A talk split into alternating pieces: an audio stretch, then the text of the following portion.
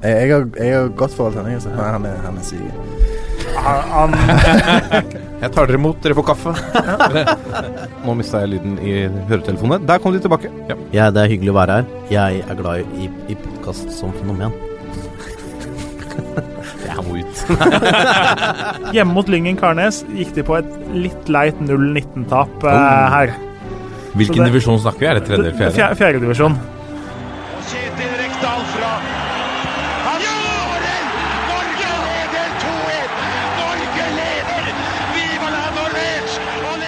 Hei og hjertelig velkommen til denne ukens episode av eh, Toppfotball. Jeg heter Lasse Wangstein og sitter også denne uken her i programlederstolen fra Dal, fordi Martin Roppestad har en velfortjent eh, familiepause. eh, eller pause fra toppfotballfamilien, da, vil vi si det sånn.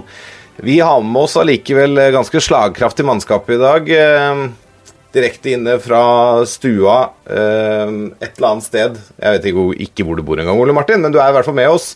Strømmen-treneren vår, går det bra? Ja, det går bra. Jeg bor i, i, i Strømmen sentrum, forholdsvis nøyaktig 22 meter fra hovedinngangen til Strømmen storsenter. Så sentralt på Strømmen går det vel an å si. Ja, Du har ikke så lang vei til jobb, med andre ord. Nei da, det tar meg, ja, det tar meg ti minutter å gå til jobb og åtte minutter, eh, åtte minutter hjem pga. en eh, mindre seig oppoverbakke på vei til. Ja, jeg skjønner. Og i eh, Fettsund er det mye oppoverbakker der, Jørgen Kjernås. Jeg vet du, jeg bor jo i en evig oppoverbakke, eh, faktisk. Det, eh, det er bratt her jeg bor, faktisk. Det er det. Så, men jeg, jeg er god på nedoverbakker. da. Jeg er ikke så god på oppoverbakker. Nei, så er det ikke bare året det var så bratt, det er livet som er så bratt. Eh, Det er noe filosofisk over det, eh, tror jeg. Ja, En liten shout-out til Øystein Sunde der, altså. Det hadde, trodde jeg ikke vi skulle innom i den uh, podkasten her, men uh, sånn er det. I dag uh, så har vi en uh, forholdsvis fyldig puls. Eh, og så har vi, eh, har vi noen Nesselquist eh, i dag, da, Ole Martin? Jeg så du har sendt inn noen spørsmål, i hvert fall. Så vi eh, kan vel sikkert eh, gå gjennom noen spørsmål fra, fra spillere, tenker jeg. Det, det er greit. Og så skal vi ha noen lytterspørsmål til slutt. Og så for eh, de som lurer, så kommer det også en preview-episode for eh, Eliteseriens 24. runde, som blir lagt ut eksklusivt på Podme. Eh, Der ligger også denne episoden her, men previewen ligger bare på Podme, så har vi sagt det også. Da ruller vi i gang. Da blir det straks puls. Nå kommer pulsen. Da har vi kommet til eh, pulsen. Vi begynner med at Lars Lagerbäck og eh, Ja, nå, nå fikk jeg helt jernteppe her, da, på U21-treneren vår, selvfølgelig. Men jeg vet jo hva han heter. Leif Gunnar Smerud. jeg har uh, plukka ut uh, troppene til de neste landskampene. Uh, U21-landslaget avslutter da EM-kvalifisering med kamp mot Gibraltar 13.11. Og den utsatte kampen mot Hviterussland er nå bekrefta avlyst. Uh, er dere overraska med det da, at Alexander Sørloth var å finne i A-lagstroppen?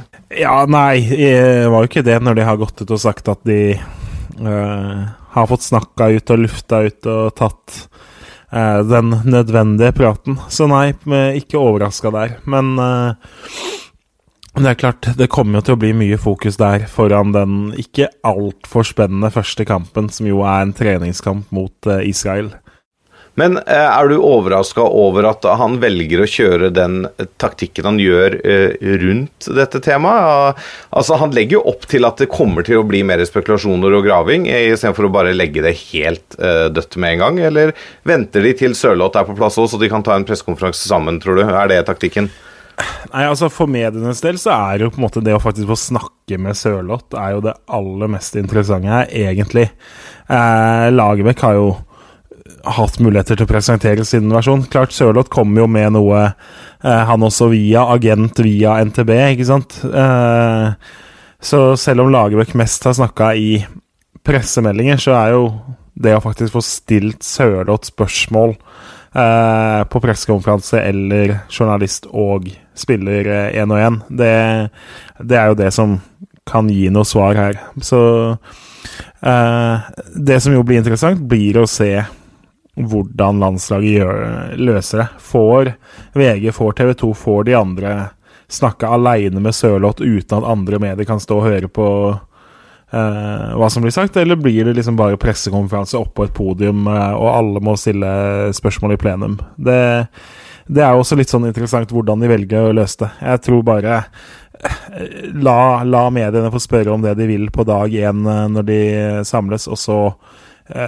med mindre Sørloth sier noe veldig uh, utafor malen der, så tenker jeg at den saken uh, blir lagt uh, død ganske greit, egentlig. Ole Martin, du som er trener i toppfotballen. hvordan, hvordan er dette hvis det lekker fra en garderobe? Altså, det er jo åpenbart at det har vært lekkasjer her, og det er vanskelig å si hvem det kommer fra, om det er fra spillergruppa eller noen andre som har tilgang. Men hvordan oppleves det som en del av den gruppa at noen eh, går ut med hva som har skjedd innafor de fire veggene på et møterom? Det, det, er, det, er, heldigvis ikke noe jeg har opplevd uh, veldig ofte. Uh, og uh, i hvert fall ikke på et A-landslagsnivå. Men det er sånn generelt så er man jo hvis man skal skape en god prestasjonskultur, så er jo det med takhøyde et, eh, et viktig element i det. Og den takhøyden vil bli lavere når det forekommer lekkasjer ut. Uh, så jeg tenker at det er ekstremt lite heldig at det kommer ut i media det som har skjedd. Uh, og så er det sånn at det som kommer ut i media er veldig sjelden helt riktig heller. Deler av det er sant, og så er det deler av det som er hvordan en person eller en part har opplevd ting. Så det er Nei, Det er veldig uheldig. Eh, så er det jo bra at partene har gått ut og sagt at de er enige om å legge det bak seg og har gått videre. og Da er det også veldig viktig å ta ut eh, Sørloth eh, i den troppen her. for Hvis de hadde gått ut og sagt at de var enige om å gå videre, og så hadde han ikke vært med, så hadde det vært håpløst. Og hvis de ikke hadde fått rydda opp, og han ikke hadde vært med pga. det, så hadde også det blitt bare en, en større sak. Så det har sikkert blitt løst på en ok måte nå, men lekkasjen er jo bekymring, bekymringsverdig. og jeg mener at man må jo på en eller annen måte prøve å finne ut av hvem som har gjort det, og vedkommende bør ikke lenger være med rundt A-landslaget, i mine øyne. Nei, det er spennende. Ehm, dette blir vel spekulativt, eh, hører jeg, idet jeg er på vei til å si det. Eh, vi går videre, for det Tore Reginius nier seg på landslaget.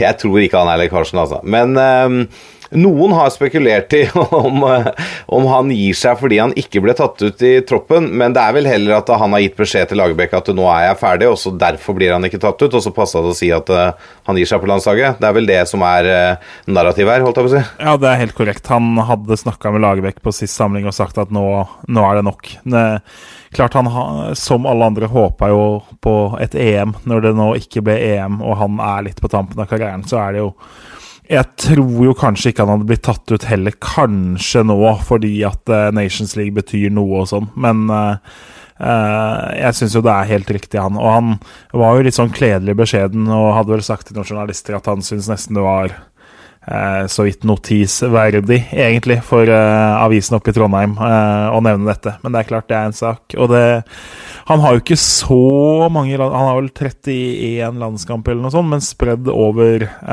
tolv år, er det vel, siden han debuterte. Så han har vært Han har vært viktig å kunne gå til når det har trengtes på stoppeplass mang en gang.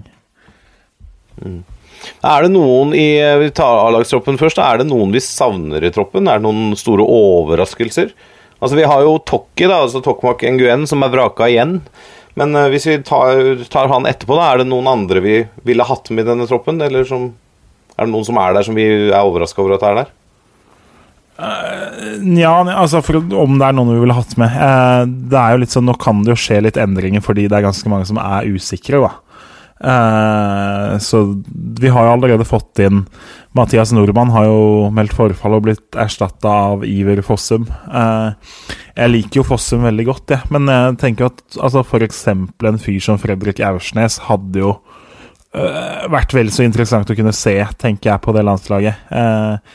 I mine øyne, altså Når Lagerbäck vil spille med to sentralt på midten der, så er jo Aursnes en fyr som kan banke på der. Eh, men det er jo ikke noe sånn rope i overskrifter om at liksom Fredrik Aursnes mangler, nå er det katastrofe. Men uh, litt, litt sånn traust å gå Ja, nå går vi for Aalborg-spiller Iver Fossum igjen isteden. Uh, og sånn er jo hele troppen. Altså, Lars Lagerbäck er jo det er jo litt traust. Det er jo ikke sånn som folk Altså, folk vil jo ha de forhåndsspillerne. Det, det er sjelden Lagerbäck hører på folkeopinionen når han skal ta ut uh, troppene sine. og så bærer jo hele troppen preg av hvordan han tenker litt. ikke sant? Altså, det er en haug av sentrale midtbanespillere, og så er det jo egentlig ganske tynt med kantspillere og spisser. men det er jo fordi vi vet jo at noen av de som egentlig er sentrale midtbanespillere, kommer til å bli brukt på en av de to kantene isteden. Så eh, sånn supportermessig utafor så ville man jo hatt en annen balanse der med liksom Nå, da, når nordmann blir tatt ut, ok, Iver Fossum, da eh, kunne du ikke heller tatt ut en kantspiller enn en spiss til, eh, som det kanskje er mer behov for over tre kamper. Mm. Ole Martin, ehm, det sitter en midtstopper eh, litt sør for oss eh, som har vært i Sarpsborg 08 før, Sigurd Rosted. Burde han vært i den troppen her, syns du? Er, kunne han forsvart en plass i den norske landslagstroppen? Jeg hører det er mange som savner han på landslaget. Jeg har ikke sett ham spille nok fotball i år til å være veldig bastant på akkurat det, men han, han ehm, han, jo, han er en midtstopper som har hatt en god utviklingshistorie. Han har vært litt inne og vist seg fram på samlinger før. Han er jo i en, i en bra klubb på et bra nivå. Eh, så syns jeg personlig at det var veldig riktig å nå gi Gregersen muligheten. Han syns jeg har vært bra over tid og også vist i internasjonale kamper at han holder et bra nivå. Så er det spennende å se Eh, kampen som går eh, i, i snakkende stund, da, hvordan han kommer ut av den også mot, mot Arsenal. Men uh, at Rosse kunne vært inne i en tropp her, det kunne helt sikkert. Nå kom jo Stefan Strandberg inn og gjorde noen ok prestasjoner på forrige samling. Uh, kan tyde på at kanskje det er da Strandberg og Ayer de ønsker å satse på fra start da, inn mot uh, neste mesterskapet. Og så har du da flere som kan banke på litt bak der, og der er jo um, garantert Sigurd Osten en spiller de diskuterer. Uh, Gregersen har kommet inn nå, du har uh, Østegård som har vært inne nå på to samlinger, så du, du har flere navn der som, uh, som, sikkert kommer til å konkurrere om de stoppeplassene. Mm. Men la oss gå tilbake til nevnte Tokmak Nguyen, da. Hva skal Tokki gjøre for å bli tatt ut på landslaget? Du nevnte det så vidt, Jørgen. Eh, de, de, de har syv sentrale midtbanespillere i troppen. Tre kantspillere. og De skal da dekke to kantposisjoner og to sentrale midtbaneposisjoner. For meg så er det jo ulogisk, men det er logisk i den kraft at han bruker f.eks. Stefan Johansen på kant. Han bruker andre sentrale midtbanespillere som kantspillere, Lagerbäck. Men eh, hva skal han gjøre? Han, han, har prestert ganske godt i Champions League. Eh, han er fast på laget sitt, er en av de store spillerne i Ferencvaros. Eh, hva, hva, må til for at han eh, får muligheten? Nei, altså For å starte med det første først. altså jeg synes Selvsagt skulle han vært tatt ut her nå. Eh, både med tanke på form, men også sant, se på motstander. Vi møter som sagt, altså vi møter Israel i en relativt ubetydelig treningskamp aller først. Eh, skal han Det hadde jo vært så riktig, sant? la han få være med. Det er tatt ut en ikke altfor brei tropp. Jeg så England tok vel ut 29 mann i sin tropp, f.eks. Kommer til å rullere masse over sine kamper. Eh, han burde jo vært inne litt sånn eh, La han få vise at han faktisk fortjener å være der, da. Eh, mot et Israel eh, lag som det er veldig mulig å slå, og vi, hvor vi kommer til å stille veldig B-prega uansett. Og eh, så ser det ut som det løser seg, da, fordi eh, Martin Ødegaard er vel høyst usikker. Og da eh, sa jo Lagerbäck litt sånn at eh, for at Tokki skal tas ut, så må han egentlig være bedre enn Elionossi Hauge eller uh, Ødegaard. Uh, at han vil egentlig Han så for seg liksom tre av de, og der er han da. Han sa jo ikke at han er på fjerdeplass, men det er jo veldig nærliggende å tenke seg at han er den fjerde kantspilleren akkurat nå. Så jeg tror vi til slutt nå får se han, men da er det jo litt sånn Kunne tatt Altså, jeg, jeg ser liksom ikke helt hvorfor man ikke skal ta ut én til uh, i en posisjon hvor du allerede har ganske få spillere, da. Nei, for jeg, tenker jo at han ikke er fjerdevalg heller, da, når han tar ut Iver Fossum som erstatter for Mathias Nordmann. For jeg anser jo nesten Iver Fossum som et, eh, altså et kantalternativ, mer enn sentral midtbanealternativ. Han har jo vel også de gangene han har spilt på landslaget, vært på kanten. Så det kanskje Tokki er på femteplass, da. Ja, vi får Så han se. trenger et fra- altså, ja, så er det ikke sant, altså Martin Linnes har jo vært brukt der og litt sånn også. Det, det er jo kantalternativet. Men det er klart det, Nå kommer jo aldri jeg til å være landslagssjef, men når du har en fyr som tidvis herjer borte mot Barcelona Han skårer i neste Champions League-kamp. Han har vært fantastisk i hele Champions League-kvalifiseringa. Eh, jeg hadde jo vært veldig nysgjerrig på å se hva han fikk til på en landslagssamling, da. Mm, mm. Hadde Tokki spilt seg inn på Strømmen-laget, Ole Martin? I hvert fall i enkelte kampbilder, eh, tenker jeg. Om han hadde starta alle kamper, veit jeg ikke helt, men eh, nei, han, eh, han hadde nok vært en ganske solid Obos-ligaspiller, ja. Jeg, jeg er enig, han eh, burde vært med i den eh, troppen her nå. Og syns Jørgen argumenterer godt, så jeg stiller meg bak det. Ja. Ok, vi tar eh, første kampen først, da. Denne litt kanskje B-pregede kampen mot Israel, som egentlig ikke betyr noe som helst. Vi har fått i oppdrag av uh, vår høye beskytter Martin Roppestad å sette opp uh, elveren. Hva begynner vi med bakerst, gutter? Altså- Skal Jarstein stå? Blir det André Hansen, eller blir det Rossbakk som får sin første landskamp?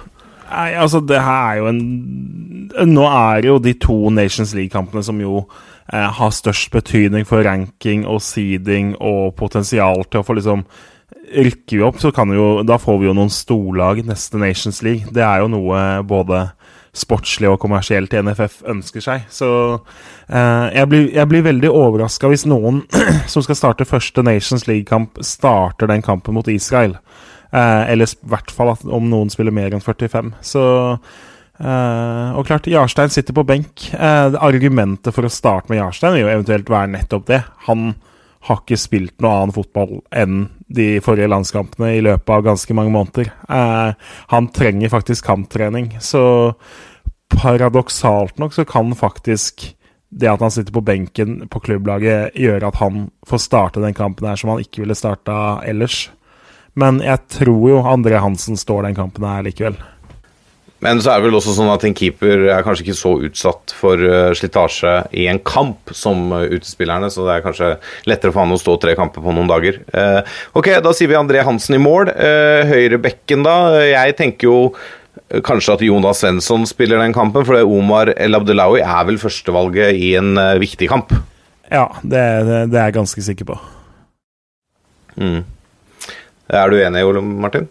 Jonas Svensson starter mot Israel? Ja, jeg også vil jo, vil jo tro det. Det er jo um, Ja, du har Morten Linnes her òg, men jeg vet ikke om han da er med som kant eller som venstreback eller hva han er for noe. Men, uh, men uh, uh, så ville jeg tenkt at Jonas Svensson gir, gir mening der. Og så er jeg spent på hvor lang tid det tar før Jonas Svensson forbigår eller Abdelawi som førstevalg. Men ja, det er nok Svensson fra start, ja. Ja. Venstrebekk eh, Birger Meling har jo ikke spilt så mye i Frankrike etter han var god i de forrige landskampene, eh, men jeg tror han er førstevalget eh, nå.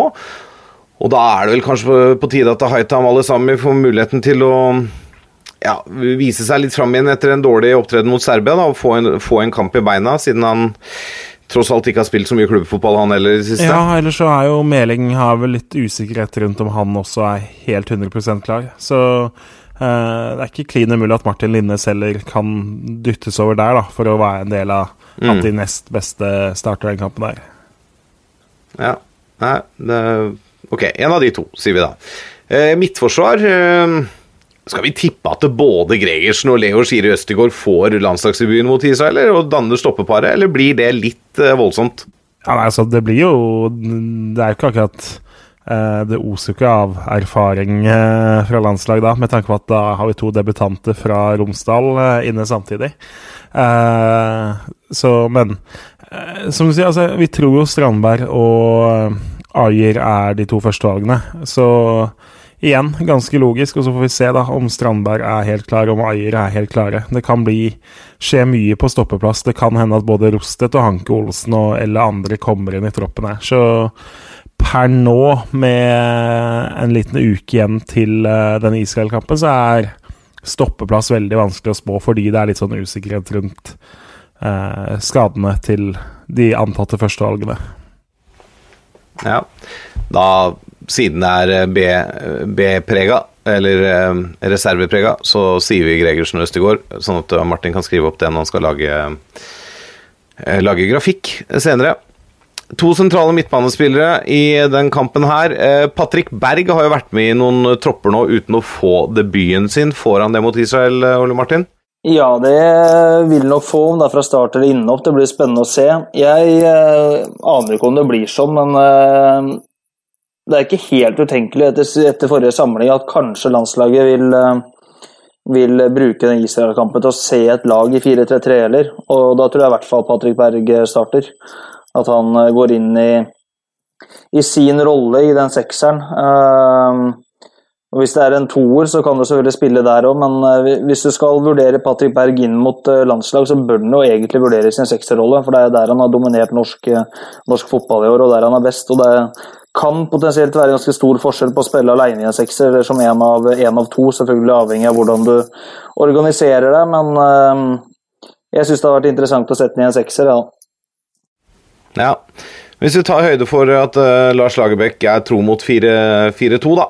En toer på midten. Patrick Berg den ene, hvem blir makkeren hans? Jeg skulle tippe at uh, Henriksen og Berge starter uh, den tellende kampen, da, eller om Johansen. Så det Altså, Fredrik Midtsjø har også vært veldig mye inne, vært ganske god i Aset. Uh, ikke spilt altfor mye på landslaget. Jeg tror eh, i, Av veldig mange sentrale midtbanespillere, så tenker jeg at Fredrik Midtsjø er en det kanskje er blant lavest odds på at starter den kampen her uh, for Norge. Ut på kant, eh, vi har en høyre og en venstre kant. Hvem er det som bekler den da mot Israel? Da tar vi vel høyde for at Martin Ødegaard ikke blir spilleklar, da, så da har vi egentlig to kantalternativer igjen. Og det er, det er Moi og Jens Petter Hauge. Kanskje Hauge tar den ene? Jeg er ganske sikker på at Hauge får starte her. Eh, og så tipper vi om det blir Linnes, om det blir Fossum, om det blir Morten Thorsby. Klart Morten Thorsby spiller jo har jo spilt en del i en sånn høyere wingback-rolle for samte Sampdoria. Så eh, at han kan være nær Og er sannsynligvis ikke noen starter i Nations League heller. Så Morten Thorsby høyre, Jens Petter Hauge venstre er neppe helt urealistisk. Ja, det, da banker vi den. Da er det to spissplasser igjen. Der har vi tre stykker å velge mellom. Det er eh, Erling Braut Haaland. Vi må jo bare eh, ta det kjapt, altså. 14 mål på 11 kamper, eller 10,5 kamper i Champions League. Jeg har ikke sett maken. Altså. Det, er, det er lov å være litt høy og mørk som nordmann når vi har en spiller som presterer så til de grader foran mål i eh, internasjonal toppfotball. Vi, ikke, vi tar ikke på oss nisselua da, gjør vi det? Jo, ifølge noen gjør vi vel det, men, eh, men nei. Vi hyper den opp.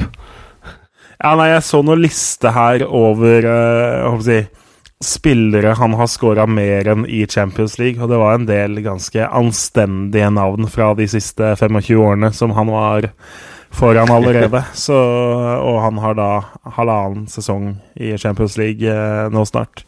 Ja, det er jo sjukt. Men starter han mot Israel?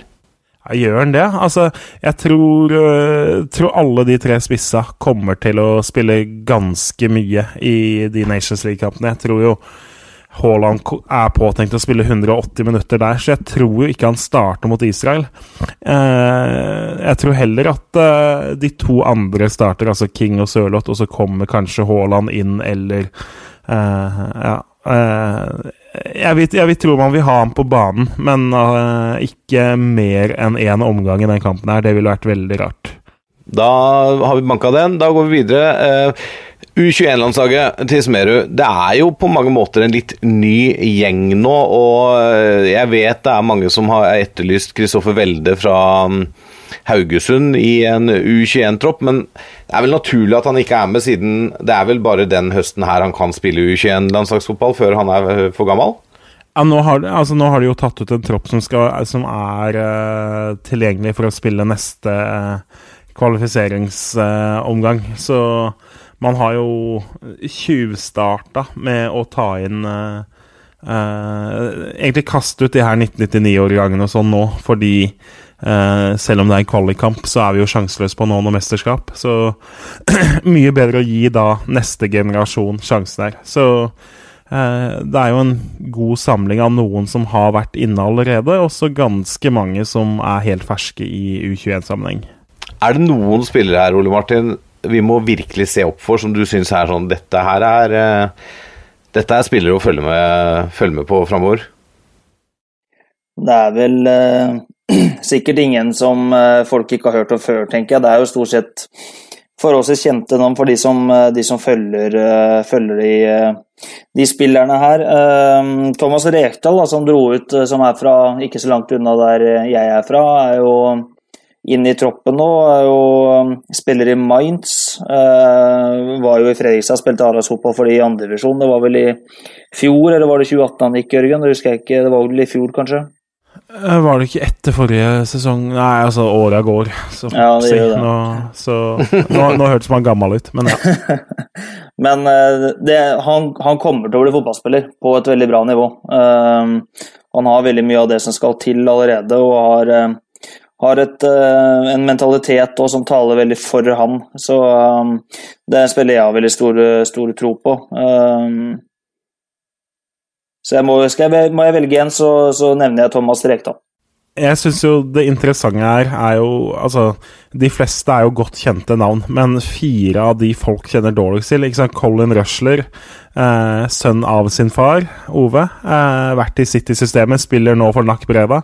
Eh, som du sier, Thomas Rekdal er jo ikke sønn av, men er vel er det er nevøen til Kjetil, er det ikke det? Nevøen til Kjetil. Sønnen til Sindre, som også var kjøttstopper på Molde. Mm. Eh, I tillegg, Mathias Kjøle Kjølø er jo sønn til tidligere eh, forsvarsspiller, nå agent Mike Kjølø. Eh, spiller i PSV, har vært med i A-troppen nå eh, de siste tre-fire kampene, eh, uten å ha kommet innpå, vel. Eh, også meget spennende. Og så Noah Holm, også holdt si, sønn av sin eh, far. David Nilsen er jo far der. Så eh, Også i tillegg Fredrik Oppegård, som jo gikk fra Vålerenga til PSV. Det er jo de fem folk kjenner dårligst til, kanskje, her. Eh, og som jo eh, Noah har vel vært inne der eh, før. Men eh, også i tillegg da Håvard Hetle, som jo er Sogndal-keeper, som nå eh, De degraderte han jo fra å være reservekeeper til å spille på juniorlaget nå fordi kohortregler og sånn gjør Han trengte kamptrening, eh, så han har jo spilt veldig lite på et godt nivå i år. Han burde jo eh, Er jo et av de talentene som lider av at tredjedivisjon ikke har kommet i gang, og at han spiller i en juniorserie som ikke holder all verden til nivå. Eh, men er jo eh, et fysisk beist av en keeper og beskrives som dønn seriøs og gjennomproff. Så eh, det er en keeper Altså Keepertypene våre må vi ta vare på. Nå er vi jo så heldige at de to andre, Kristoffer Claesson, står i Vålerenga. Mats Christensen står det, står det meste i Lillestrøm. Eh, veldig spennende begge to. Eh, men Håvard Hetle har noe sånn skikkelig potensiell keeper-X-faktor som gjør at han kan eh, Han kan definitivt bli en eh, mann for la- A-landslaget. Selv om som keeper så må du jo treffe på timinga. Du må få spilletid på et høyt nok eh, nivå eh, tidlig nok for å liksom få gjennombruddet. Det, det er en vanskeligere kamp for en keeper enn en midtbanespiller eller en kantspiller å få minutter stabilt da, på et godt nivå. Så hvis man treffer med karriereveien hans, så er det en høyst potensiell A-lagskeeper i ganske mange år. Eh, Du nevnte Colin Røsler og Noah Holm. Eh, Dette er spillere som på mange måter vel også kunne valgt andre land. eh, Pga. Sin, sine fedres eh, opphav. Noah Holm Danmark og Colin Røsler Tyskland. Vil jeg tro. eh, Men de velger altså Norge enn, enn så lenge. Er det fordi det er lettere å slå seg inn på et norsk landslag, eller er det fordi at eh, Norge har eh, kommet såpass langt at det faktisk er stas å få representere Norge? Uh, nei Altså, Noaholm har vel, en, har vel en omflakkende tilværelse, men har jo bodd mye i Norge og uh, Klart, NFF må jo gjøre litt jobb for å uh, For å få disse inn i NFF-systemet, da. Eh, det må det definitivt. Og så ellers, når du ser på den troppen her, så er det jo litt sånn se, uh, Det viser jo hvor gøy det er med spillere som egentlig i fjor var ingenting, og så i år så er de profiler i Eliteserien. Altså Markus Holmgren Pedersen var bare sporadisk innbytter i Tromsø. Nå er han god i Molde. Uh, Henrik Heggheim og Ole Martin Kolskogen var det jo ganske få som hadde hørt om av liksom den vanlige supporter for Kolskogen, og Heggheim hadde jo nesten ingen hørt om. Eh, og så har du folk som Osame Sarawi, som jo har fått et kjempegjennombrudd etter å bare ha spilt tredjedivisjon fram til i fjor. Eh, Joshua Kitolano er jo en eh, midtbanespiller som er så god at eh, eh, han, han, ser jo eldre ut enn han er, sånn med tanke på hvor god og stabil han er. Så spillere som er blant profilene i Eliteserien og viser at det, er, det kan gå veldig fort fra at du spiller tredjedivisjonsfotball mot uh, Skjervøy eller mot Lokomotiv Oslo, til at du er U21-spiller og profil i Eliteserien. Ja, Det er gøy. Det må jo være motivasjonen for mange unge spillere der nede.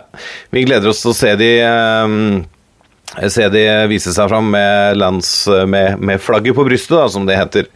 Vi går videre, eh, og uten å tråkke på noen tær i dette panelet, så skal vi vel kanskje ned et lite hakk fra landslagsfotballen til Obos-ligaen, eh, Ole Martin. Um, Grorud og Stjørdalsblink er jo blitt satt i karantene grunnet et koronautbrudd hos en spiller i Grorud, og de møttes jo nå i helgen.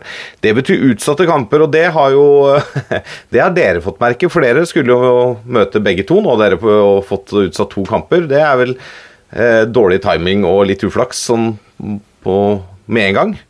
Ja, det er jo både dårlig timing og uflaks, men det er jo eh, det er helt uforskyldt. da. Det er ingen som får gjort noe med det. Så ja. Det er en spiller i Grorud som har vært uheldig og, og fått viruset. og Han ble dårlig eh, rett etter kampslutt, skjønte jeg, mot eh, Blink. og Det betyr at Blink også må i karantene. og... Og så var det da tilfeldigvis sånn at nå skulle møte, vi møte de to på rad, så det betyr jo at vi får en eh, hektisk sesongavslutning der hvor der hvor en del andre lag får, får fire kamper på fire uker, så får jo da nå Blink, Grorud og vi seks på fire. og Det er jo det kan jo vise seg å bli avgjørende, det, men vi, eh, vi har visst i hele år at dette kommer til å komme på et eller annet tidspunkt. og Da er det noen klubber som er uheldige, og de klubbene må bare håndtere det. Så vi er, eh, vi er offensive, vi. Ja, det er bra. Det er bra. Hva, hva, tenker vi Jørgen, om Obos-ligaen nå? Det, kan vi gratulere Tromsø og Lillestrøm med direkte opprykk til Eliteserien? Eh, veldig langt på vei. Vi, altså, vi skal jo ikke eh, Hadde de vært amerikansk president, så hadde de vel bedt om at tellinga ble stoppa akkurat nå, kanskje. eh, men nei, altså Tromsø overtidsskåring nå sist, som jo var veldig viktig. Lille som slo Sogndal. Det Uh, de er ikke klare, men det, var, det at Lillestrøm vant der, var et særdeles langt steg på veien for begge lag. Så uh, ett av dem skal falle ganske godt sammen for å ikke ta opprykket nå. Det Definitivt. Så nei, de to rykker opp. Og i bunnen så ser det jo veldig vanskelig ut for Kongsvinger og Øygarden har skulle rote seg opp nå. De begge har sju poeng opp til nettopp Grorud og Strømmen. Eh, fem kamper igjen for dem, seks kamper igjen for Grorud og Strømmen. Det, jeg tror eh, vi i løpet av to eller toppen tre runder har to klare nedrykkslag og to klare opprykkslag. Og så er det da eh, nedrykkskvaliken, tror jeg det blir kamp om omtrent til siste sekund. Eh, og det samme kan det fort bli om sjetteplassen eh, i, eh, i, tillegg. Og det kan være mange lag som potensielt er med i kampen om både sjette og å unngå 14.-plassen ganske langt eh, ut i sesongen. Eh, Ole Martin, hvis den siste serierunden var det neste, så ligger jo dere i en posisjon som gjør at eh, Altså sånn tabellmessig, da, i hvert fall. At dere kunne ha fått en hektisk siste runde. Hvordan altså, hvis, Si dere står i den situasjonen i siste runde, da, at uh, her kan ting snu på andre resultater og egne resultater i løpet av 90 minutter. Uh, hvordan vil du da bli orientert underveis? Kommer du da til å på en måte gjøre taktiske grep underveis for uh, å øke sjansen, eller bare kjøre dere på og vi får gjøre det vi kan, og så får vi ta og summere opp til slutt? Vi sto jo i den situasjonen i fjor.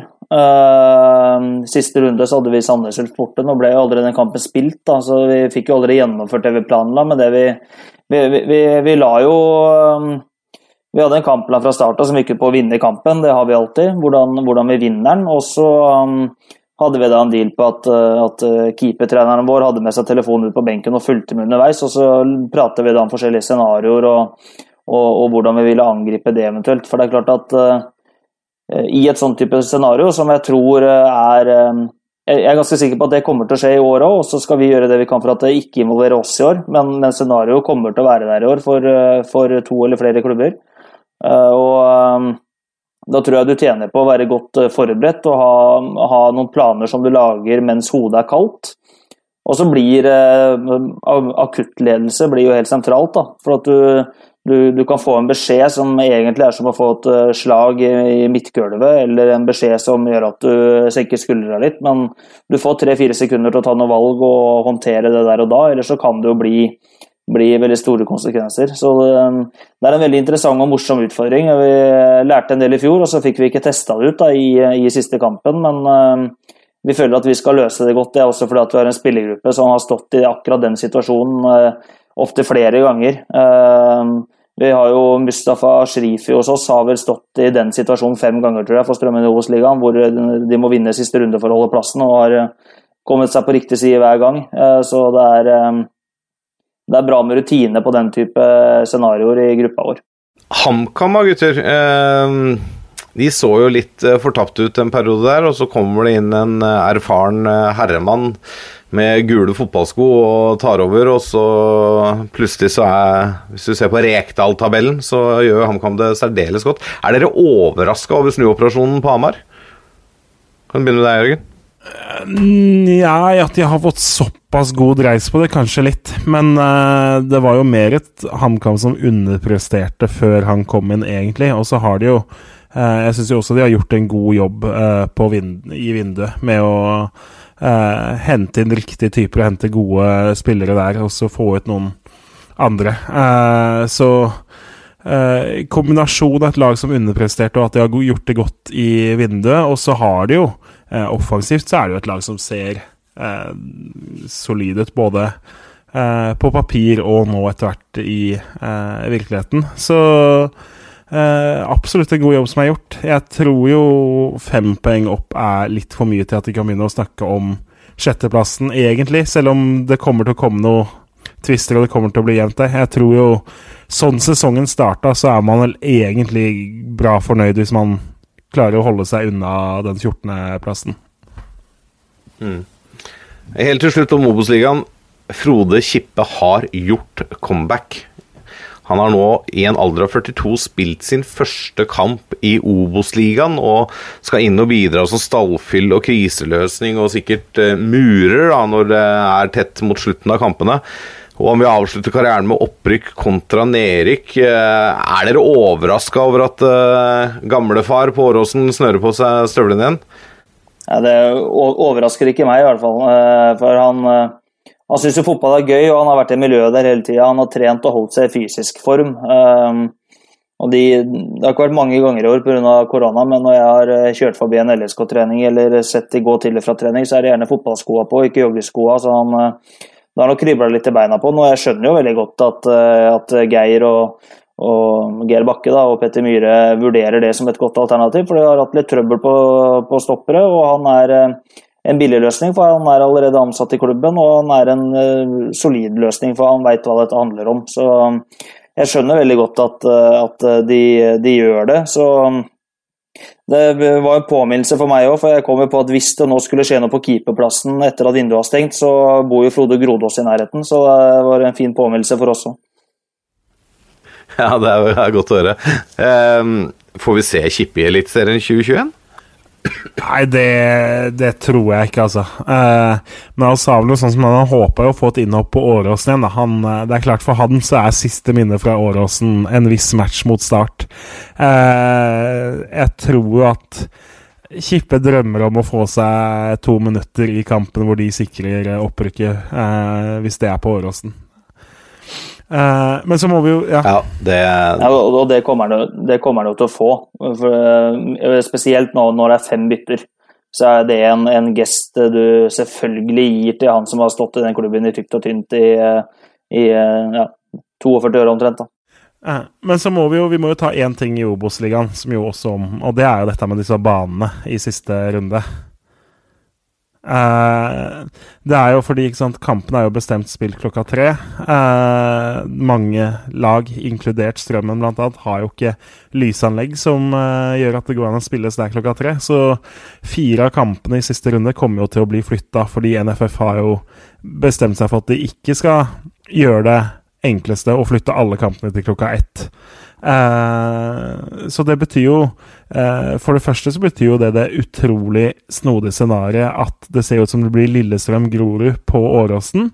Eh, og så blir det vel Dere Strømmen har vel LSK-hallen eller Jessheim, er det ikke sånn, da? Så det kan bli Strømmen-Tromsø i LSK-hallen, mens Lillestrøm-Grorud spiller på Åråsen. Uh, så pot potensielt altså, Nå tror jeg jo Lillestrøm og Tromsø er opp opprykksklare før siste runde. Men det kunne jo vært potensielt to lag som spiller for opprykk, mot to lag som spiller for å unngå kvalik eller nedrykk. Eh, og det skiller liksom to langpasninger over en toglinje mellom de to matchene.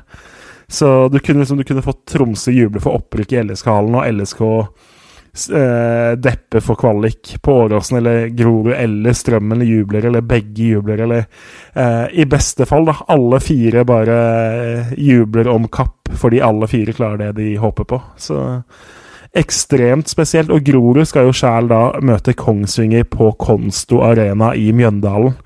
Eh, som jo potensielt kan være avgjørende for begge lag eh, eh der.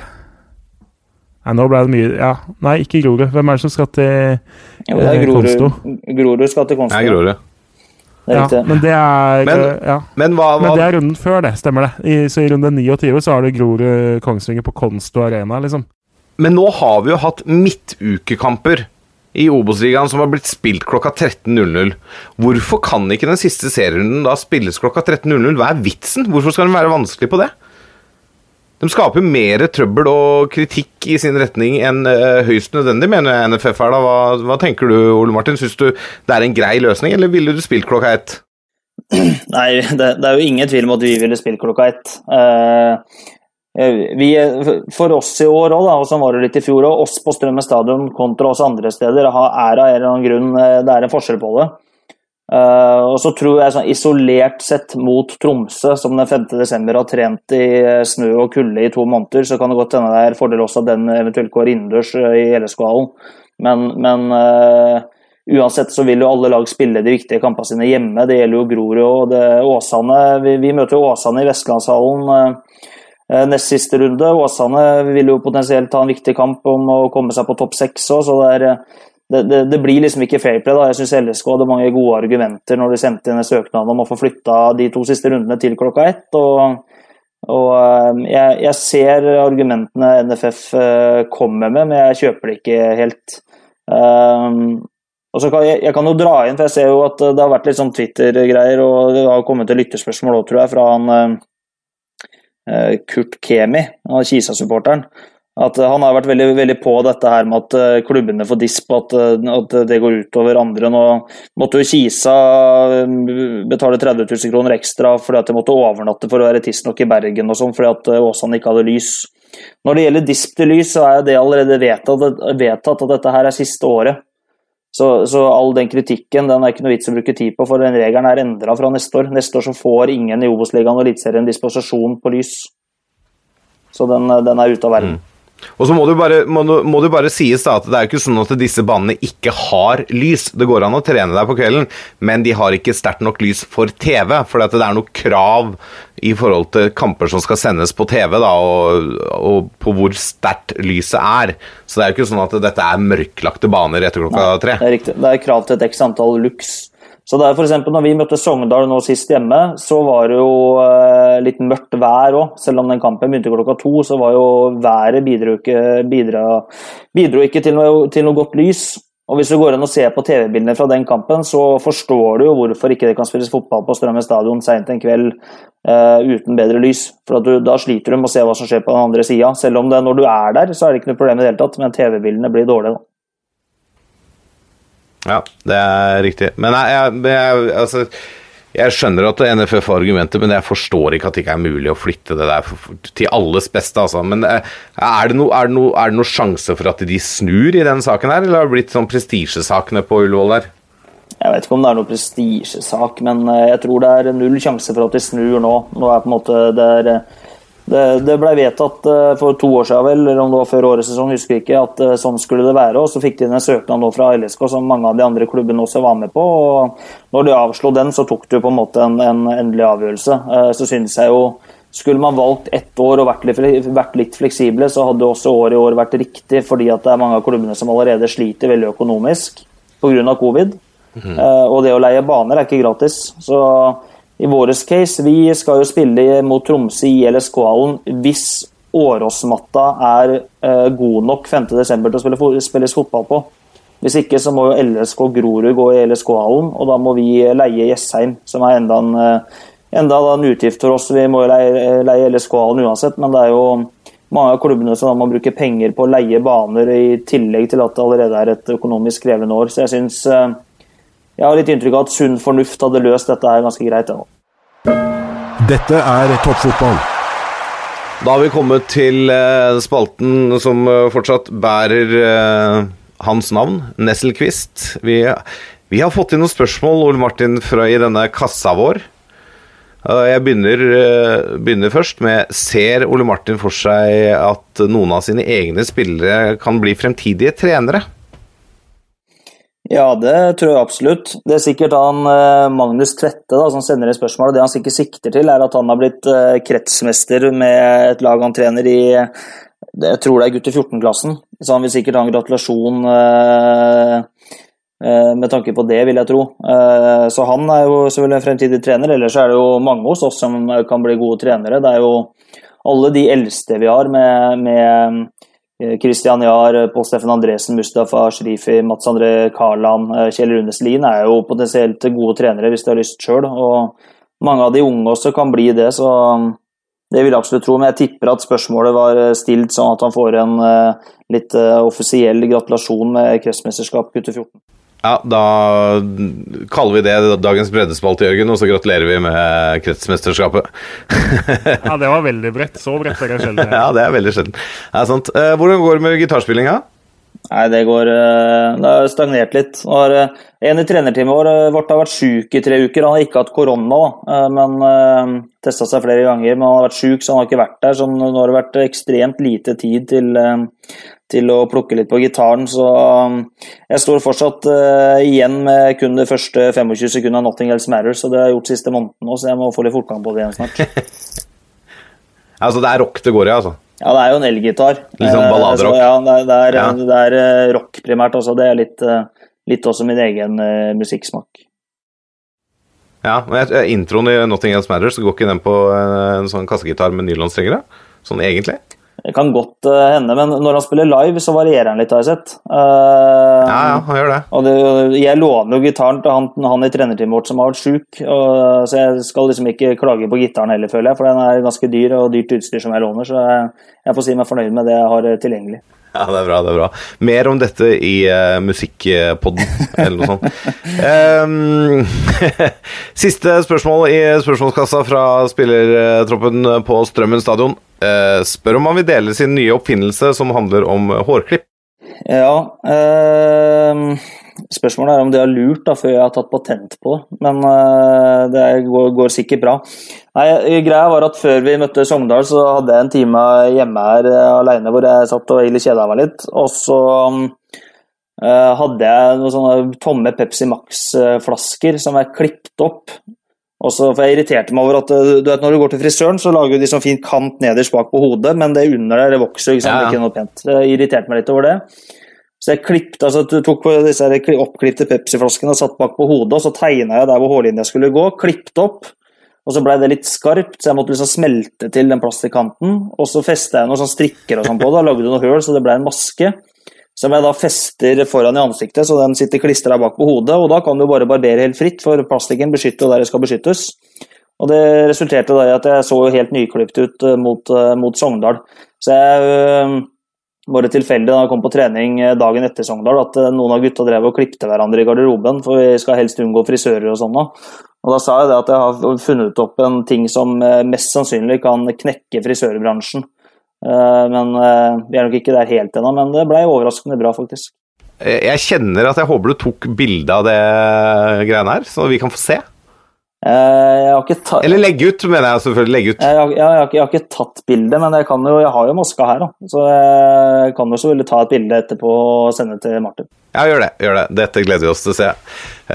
Men du får bruke kvelden etter innspillingen da, på å gå inn på noe greier, patentgreier og legge inn en patent på det her. Så du i hvert fall har sikra deg det. det. Ja, jeg må gjøre det. Jeg må gjøre det. Dette er toppfotball. Da har vi kommet til eh, lyttespørsmål. Eh, Amund Lutnes lurer på åssen bunnstriden i Obos ender. Nesselquist eh, Jørgen har jo spekulert litt tidligere i sendinga, men hva, hva tror du om bunnstriden i Obos? Det jeg veit, er at den kommer til å ende intenst, eh, og eh, at den eh, ikke er slutt før uh, siste dommeren blåser i fløyta. Det, det kommer til å bli helt spinnvilt. Uh, hvordan det kommer til å ende opp nedi der, det er vanskelig å si. Jo, jeg skal være ærlig og si at jeg trodde egentlig Øygarden var ferdig, og så reiser de til Raufoss og vinner i går. Eh, Så plutselig så er de har de en teoretisk mulighet her, og Kongsvinger har- synes jeg har sett bedre og bedre ut og egentlig prestert veldig bra de siste tre kampene. Spiller en god kamp mot Tromsø i går. Er uheldige slash udyktige i en frisparksituasjon ikke får med seg noe. Så eh, Kongsvinger er et lag som prestasjonsmessig er kapable til til å vinne fire av de siste fem kampene sine. Eh, og da er jo plutselig de med i bildet der òg, så eh, så jeg, jeg, jeg er der at jeg føler meg ikke trygg på Øygarden og Kongsvinger ennå, selv om jeg tror det skal bli tøft, kanskje spesielt for Øygard nå, som har Tromsø til helga. Um, og så tror jeg Kongsvinger vil ta nok poeng til at de har noe å spille om siste runde, at de kan komme seg på en kvalikplass. Og så tror jeg at, um, tror jeg at den nedrykkskvalikplassen det kommer til å stå mellom oss og Grorud og um, Ullkisa, Sandnes Ulf og Størlandsblink. Jeg tror HamKam plukker med seg nok poeng uh, til at de kommer seg, kommer seg høyere opp. Uh, så um, blir det veldig, veldig spennende. Adidas-mannen lurer på eh, hvem har vært den beste keeperen denne sesongen. Eh, skal vi ta for oss Eliteserien, da. Hvem har vært den beste keeperen i Eliteserien denne sesongen? Jørgen, har du noen eh, favoritter? Det er ingen som stikker seg sånn ekstremt klart ut der, egentlig. Eh, Susha Makani starta jo veldig bra. Vilja Myra har eh, hatt en overraskende god sesong for eh, eh, Godset. Eh, André Hansen og Julian Feilund for så vidt. Sondre Rossbakk gjort det eh, ganske bra i Skien. Min favoritt er egentlig Andreas Linde. Han syns jeg har vært stabilt bra, gjort lite feil, ofte redda Molde på dårlige dager. Eh, lav tabbekvote, eh, jevnt over bra på det meste, redda noen straffespark og sånn. Så per nå så er Andreas Linde min mann, og så er det minst fem-seks som fortjener å nevnes i sjiktet bak. Hvis du skulle fått lov å velge én keeper fra Eliteserien, eh, Ole Martin, eh, basert på årets prestasjoner da, i Eliteserien, hvem hadde du henta til Strømmen stadion, da? Jeg er enig med Jørgen. Det har vært vanskelig å peke ut én, syns jeg. Men øh, jeg skulle tatt én eliteseriekeeper uten å tenke på akkurat i år, så hadde det vært André Hansen. Uh, men øh, akkurat i år øh, Nei, det kan godt hende jeg også hadde endt opp med Andreas Linde. øh, Så er jo men jeg, jeg tror kanskje den som har vært viktigst, øh, viktigst er nok Makani. For hadde ikke Mjøndalen hatt Makani, så hadde de vært, vært like klare som Ålesund omtrent for Obos-ligaen. Så jeg tror, jeg tror Makani også skal nevnes en gang til her, bare for å være sikker på at folk legger merke til den. Ja, ok, det er greit. Eh, Vegard Nummerstad eh, ber oss diskutere de mildt sagt oppsiktsvekkende uttalelsene til Gaute Helstrup eh, om at eh, Espen Garnås på LSK går ut på banen for å skade motspillere, og at han sier han har opplevd det i flere møter med Garnås. Eh, Dette er vel eh, uttalelser som ikke er så veldig vanlige å få på det nivået her? Ja, eh, klart altså Garnås er eh, sannsynligvis særdeles vond å møte. Det kan vi eh, Der kan vi i hvert fall møte Helstrup. Eh, Garnås er så nære en god, gammeldags LSK-stopper du kommer, egentlig. Han uh, trøkker til. Men et, Og så er det litt sånn Noe av det som ble trukket fram, var vel litt sånn tross alt en ball som ble sparka i ansiktet på han. Det uh, Jeg tror ikke Espen Garnås er en spiller som har såpass god kontroll over uh, føtta sine at han er i stand til å treffe ansiktet på noen, og jeg tror heller ikke han har gjort det. Så nei, det er litt sånn litt ymse, den uh, uttalelsen der. Men jeg kan skjønne at du irriterer deg over spillestilen hans som motstander eller motstandertrener. Samtidig så tenker jeg jo vi er, vi er, jo glad i spillere som trøkker til i dueller, men det må jo gjøres fair. Det må jo gjøres på en måte som ikke skader motspillere. Men eh, jeg er jo helt enig, jeg tror heller ikke Garnås går på banen for å skade motspillere. Nei, det, det gjør han ikke. Uh, men han, han, er, han er knalltøff. Eh, men han eh, går definitivt i klubba der for å skade spillere. Han er jo, Nå kjenner ikke han veldig godt, jeg har møtt ham noen ganger i tilknytning kamp, og han eh, virker som en helt strålende fyr. Men han er kompromissløs. Så tipper jeg at uttalelsene til Gaute er Det er litt frustrasjon etter en kamp der, og så kan hende det er litt taktisk for å få dommerne til å følge litt ekstra med på ham. For hvis LSK hvis, hvis, det at Gaute sier det påfører Garnås to ekstra karantener i år, så kan det bety at Tromsø står litt sterkere. Det, Eh, for, for, han er en spiller som, Når han spiller som han gjør, så er han eh, med jevne mellomrom litt på etterskudd. Og jeg kan være enig i at han burde hatt mer kort. Eh, ikke fordi han spiller stygt, men fordi han innimellom går inn med så mye kraft at det er spørsmål om det er forsvarlig. Men det er jo overhodet ingen intensjon om å skade spillere, det er bare hans spillestil. Så jeg, jeg, tipper at, jeg tipper at den uttalelsen der har fått mye mer oppmerksomhet enn det Gaute tenkte, egentlig. Skjønner. Benjamin Sears uh, lurer på om vi tror Eliteserien Obos blir ferdigspilt før julaften. Ja, nå er det jo planlagt noe kvalik i bitte lille julaften og sånn, blant annet. Det, det er klart som vi var toucha litt innom Eller eh, Det skal ikke altfor mye til i Obos-ligaen før man eh, eh, potensielt må over på andre sida av nyttår, da. Uh, og det er jo litt sånn fordi de to siste rundene tross alt skal spilles samtidig, og uh, skal jo være de to siste rundene. Så hvis du får en noe smittekase uh, rett før runde 28, så kan du ikke liksom bare dytte den inn mellom runde 29 og 30. Da må du flytte hele greia. Så det, det, er jo der det byggverket er mest skjørt, egentlig. Og det samme gjelder jo uh, i Eliteserien, hvor man jo har uh, klart seg enda litt bedre. Men der spilles jo siste runde 19.12., og så skal det jo inn en kvalik også. Så uh, det er langt fra garantert at serien blir ferdigspilt i dette kalenderåret. Men la oss nå håpe. Og det har jo vært noen caser hvor det har vært smitte hvor man har unngått at alle havna i karantene og sånn, så eh, landslagsperioden nå er jo litt touchy der. Det var jo litt etter forrige, både her hjemme og i andre ligaer, hvor, eh, hvor det ble litt smitte som stoppa noen lag. Eh, så jeg håper og tror at kommer vi oss gjennom liksom, landslagsperioden, så håper jeg at da er vi gjennom det mest eh, risikofylte sånn smittemessig, da. Ja. Olai Årdal var inne på dette med lys i Obos-ligaen. De kvitterer ut. Det har vi svart på tidligere. Det er det samme med Kurt Kemi, som vi nevnte. Eh, Vegard Bjørgå spør er det noen som vil tippe når Godset tar sin neste trepoenger. Undertegnede tror den skjer i fjerde serierunde i Obos mot FFK. får, får Godset trepoenger før det? ja, det var, det var jo voldsomt eh, dobbeltnaksstemning, det. det er Eh, jeg tror de får sin neste seier hjemme mot Haugesund i runde 28, og så kommer neste seier etter det igjen mot Ålesund runden etter. Riktig. Er, den er grei. Uh, ja, vi uh, har snakka om Frode Kippe. Vi har vært innom landslaget, så da dropper vi det fra Marius og Eva eh, Beate Eriksen. Uh, vi avslutter vi med et spørsmål fra Magnus Bø. Eh, Snakk gjerne om Philip Sinkernagels antall målpoeng. 14 mål og 14 assist på 21 spilte kamper.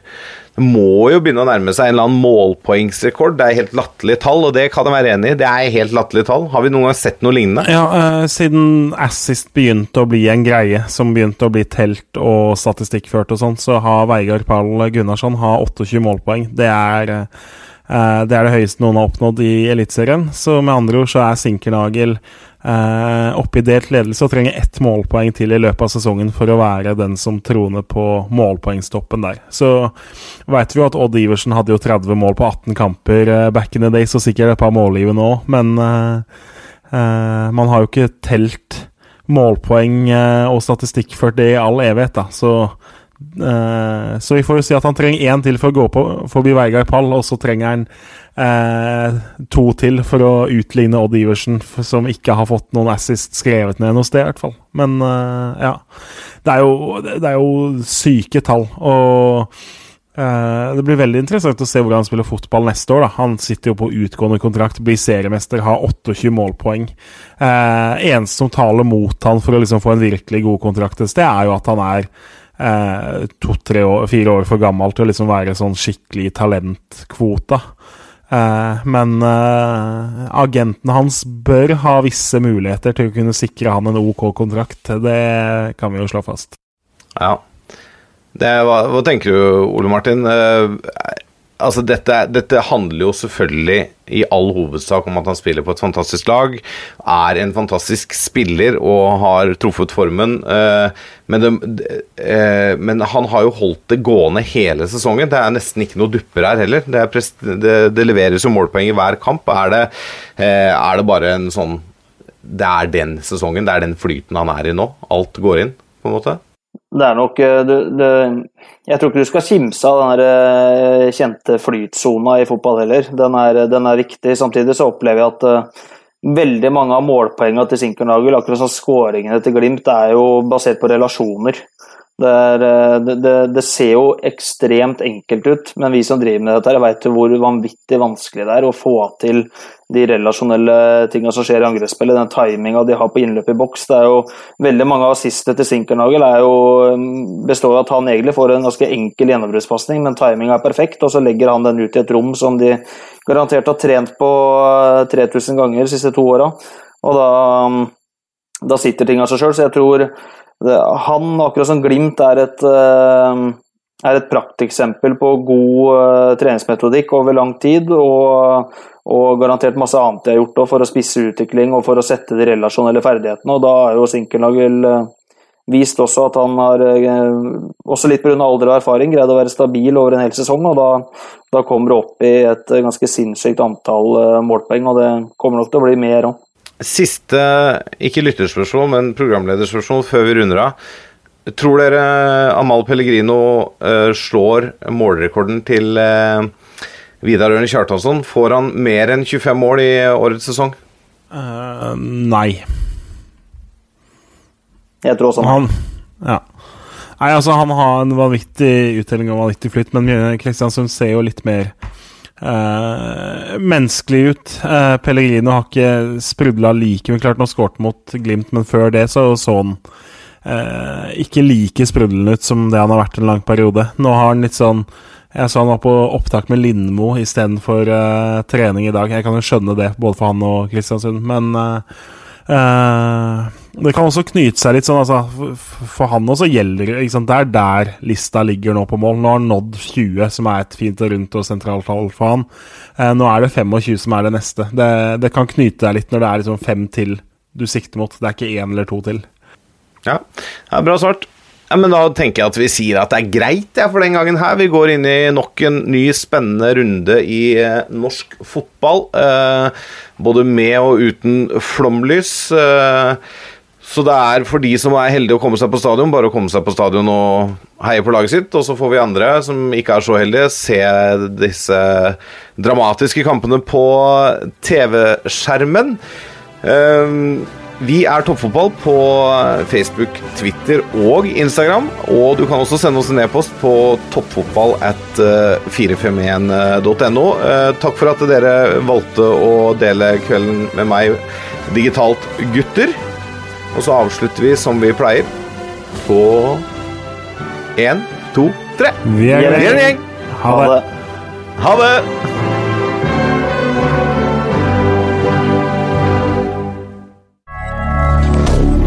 moderne media.